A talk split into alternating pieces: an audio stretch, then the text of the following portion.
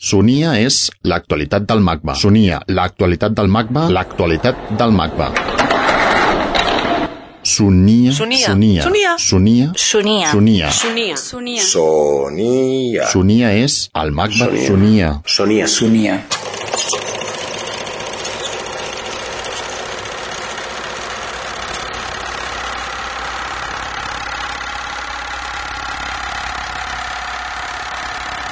Cinema, Cinema Visió, algunes obres mestres del cinema experimental. 1956-2000. Programa de cinema comissariat per Juan Bufí. Bueno, el ciclo Cinevisión eh, surgió de una propuesta de, de Manuel Borja Villel. Me pidió que le preparara un programa de cine experimental y entonces yo le propuse eh, que tal vez lo que haría más falta sería eh, una especie de antológica, de antología, aunque fuera incompleta, que reuniera unas cuantas obras bastante indiscutibles del cine experimental. Eh, esto eh, por un motivo, porque a diferencia del videoarte que se ha integrado mucho más en- dentro del, territorio de las artes plásticas, el cine experimental ha- hasta el momento ha quedado un poco fuera de lo que es el arte, el mundo del arte, al mismo tiempo que quedaba fuera de lo que es el- la historia del cine, ¿no? porque eh, dentro del arte se, se- eh, parece que el medio cinematográfico eh, se considera como un medio popular y en cambio el vídeo sí que al, nacer en el, del arte conceptual un poco se ha integrado mejor. ¿no? Y, en- y dentro del cine, pues al ser un medio mm, popular precisamente también, pues se, se- se considera como cine, sin más adjetivos, eh, el cine eh, que viene del teatro y de la novela, ¿no? cine narrativo. Y bueno, en segundo lugar, el cine documental. Pero eh, este cine, que es más, quizá más esencial, que no, no es heredero de, ningún otro, de ninguna otra disciplina artística, mm, es- se- necesita adjetivos, ¿no? Cine experimental, ¿no? O cine de vanguardia, o cine abstracto. Eh, bien, en este caso, eh, pues eh, la intención era reivindicar este cine en el lugar de un museo de, de arte contemporáneo, como es el MACBA. Imatge cinematogràfica.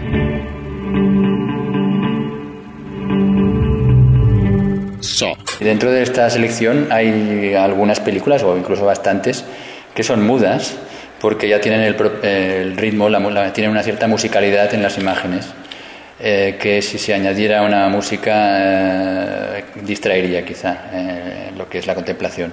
Pero sí, hay muchas que, que trabajan el sonido. Percepció.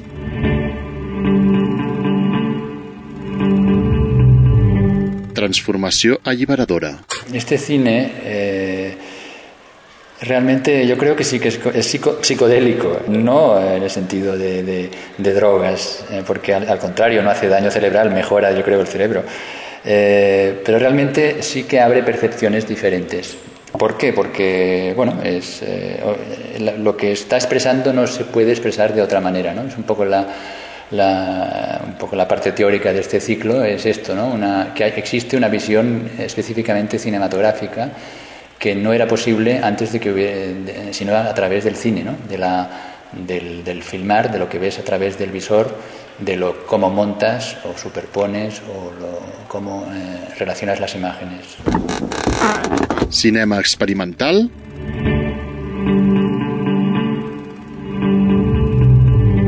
Cinema narratiu. Esta visión eh, es, es difícil de teorizar. Bueno, hay, Werner Neckes, por ejemplo, que es un buen teórico, defin- definía la, unidad expresiva del cine, el kine, como la relación entre dos fotogramas.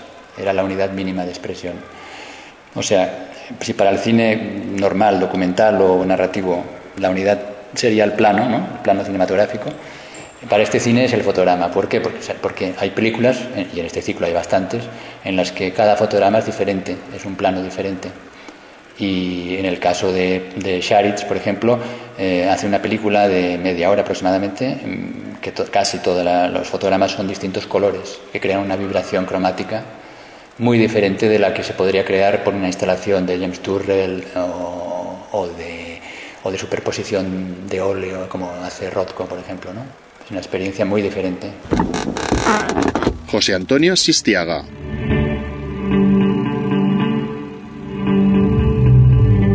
Panorama espanyol. Una vez eh, comentaba sobre sus películas, decía, me dirijo a los sentidos, a la curiosidad, a las emociones de los espectadores, a lo más escondido en ellos, a ellos mismos. Quítense la venda racionalista y gocen serenamente de lo desconocido. No sientan temor, no busquen lo que conocen en el arte, sino aquello que les abra nuevas puertas de la percepción. Esto lo decía Sistiaga, que aquí, mm, pues, aquí hemos seleccionado, seleccionado la, el largometraje. Es un cuadro, que es un largometraje, pintado directamente sobre celuloide, eh, que es un cuadro de 75 minutos, ¿no? en perpetua transformación. Pintura expresionista abstracta en perpetua transformación. Geografía.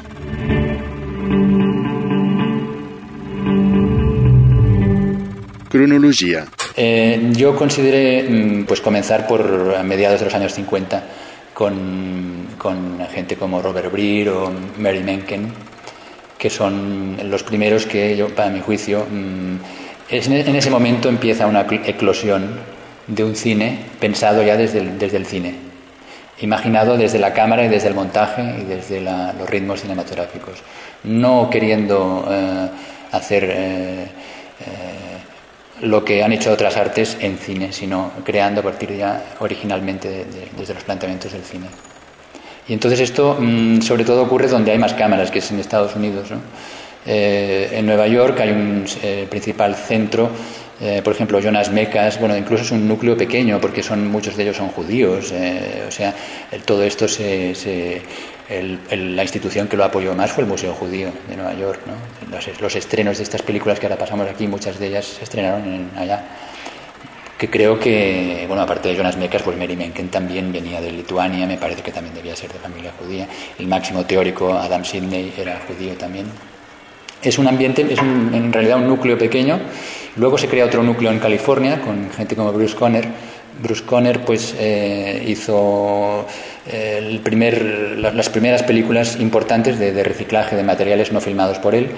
Hizo también eh, una especie de lo que ahora llamaríamos videoclips, pero eran cineclips. Y claro, también hay, también hay autores europeos como Werner Neck, quizás el más importante. Sistiaga es el único español que hemos puesto, hay más por supuesto, podríamos haber llegado hasta eh, no es que exista una época, eh, no se reduce en la época, hay, un momento de, auge en los 60, 70, empieza en los 50 y sigue después. Lo que pasa es que después en los años, en los años 80 el videoarte cobra mayor protagonismo, eh, pero es un cine que sigue. Y ahora mm, cada vez tiende a, mezclarse, a confundirse más, ¿no? porque muchas cosas que están eh, difundiéndose como videoartes han sido rodadas en cine. Circuits d'exhibició.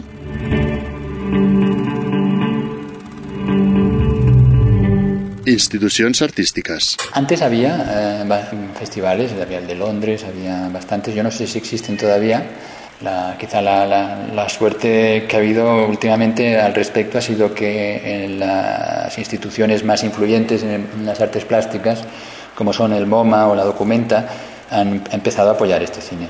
Y, por ejemplo, el MoMA pues ya considera una de sus una de sus obras maestras que, destaca en sus libros es el Cominglet Containers de Brackets, por ejemplo, al mismo nivel que, que, la mejor obra de Miró, de Picasso, de Kandinsky.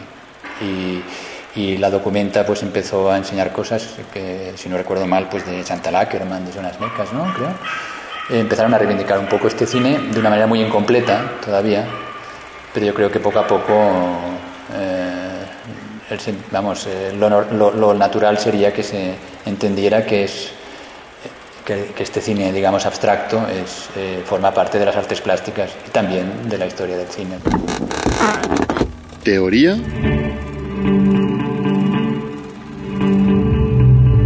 visión específicamente cinematográfica. Lo resumiría con unas cuantas, unas pocas palabras, unas nociones.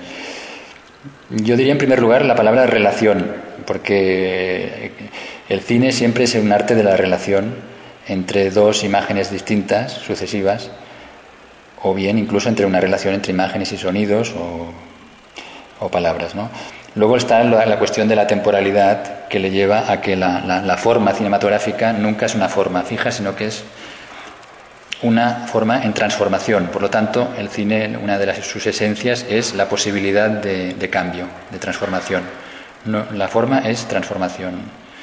Después también, desde el primer momento en que, eh, desde la propia esencia del cine, está la, idea de ilusión, porque, eh, o sea, un fotograma viene después de otro fotograma, y entonces nos da una ilusión de movimiento, si ha variado un poco la imagen, o de inmovilidad si no varía, o de, y, si varía mucho, lo que decía Werner Neckes, si varía mucho, da una ilusión de fusión de imágenes distintas. ¿no? Y desde el primer momento, eh, bueno, eh, está la idea de ilusión que, puedes, que es una, ilusión que se puede crear poéticamente o una ilusión que se puede criticar analíticamente también, ¿no? Es decir, tú puedes estar haciendo una crítica de lo ilusorio también, ¿no? Eh, de las apariencias. Y luego está la musicalidad, ¿no? El tiempo no es cronológico, el tiempo del cine no es cronológico. Y está la composición del tiempo, los ritmos, las duraciones. Entonces esta musicalidad eh, en este cine, eh, por supuesto existe en el cine narrativo también y en el documental, pero aquí es, se pone más énfasis también, ¿no? la composición no solamente la del encuadre, sino la composición en el tiempo. Yo creo que estas son una de las, de las principales eh, características. Cinema experimental.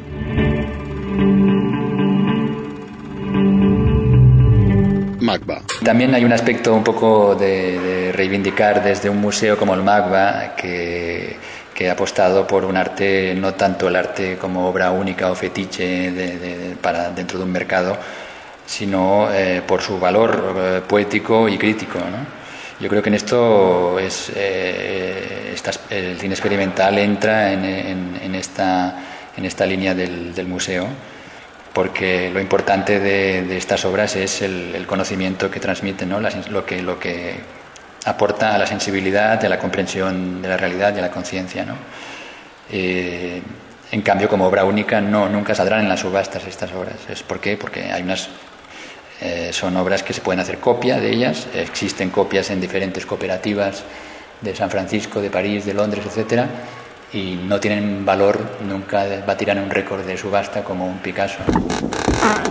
Arts plásticas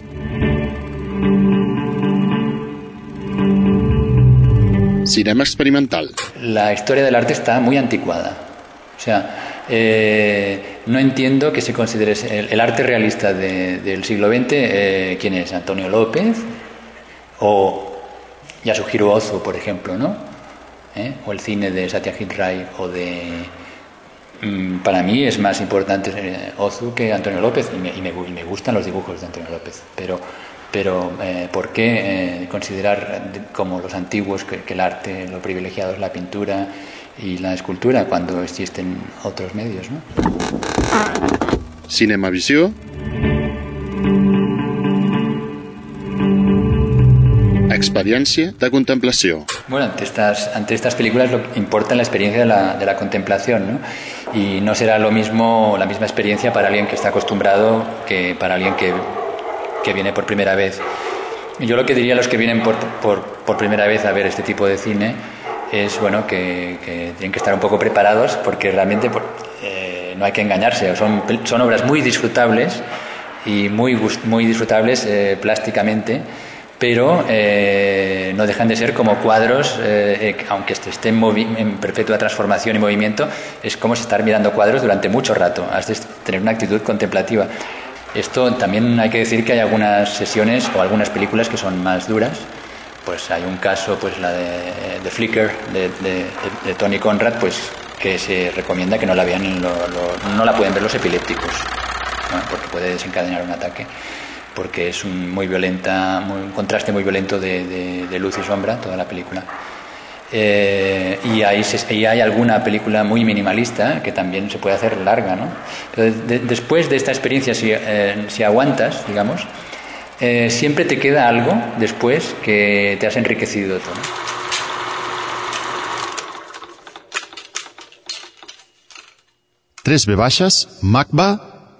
Tres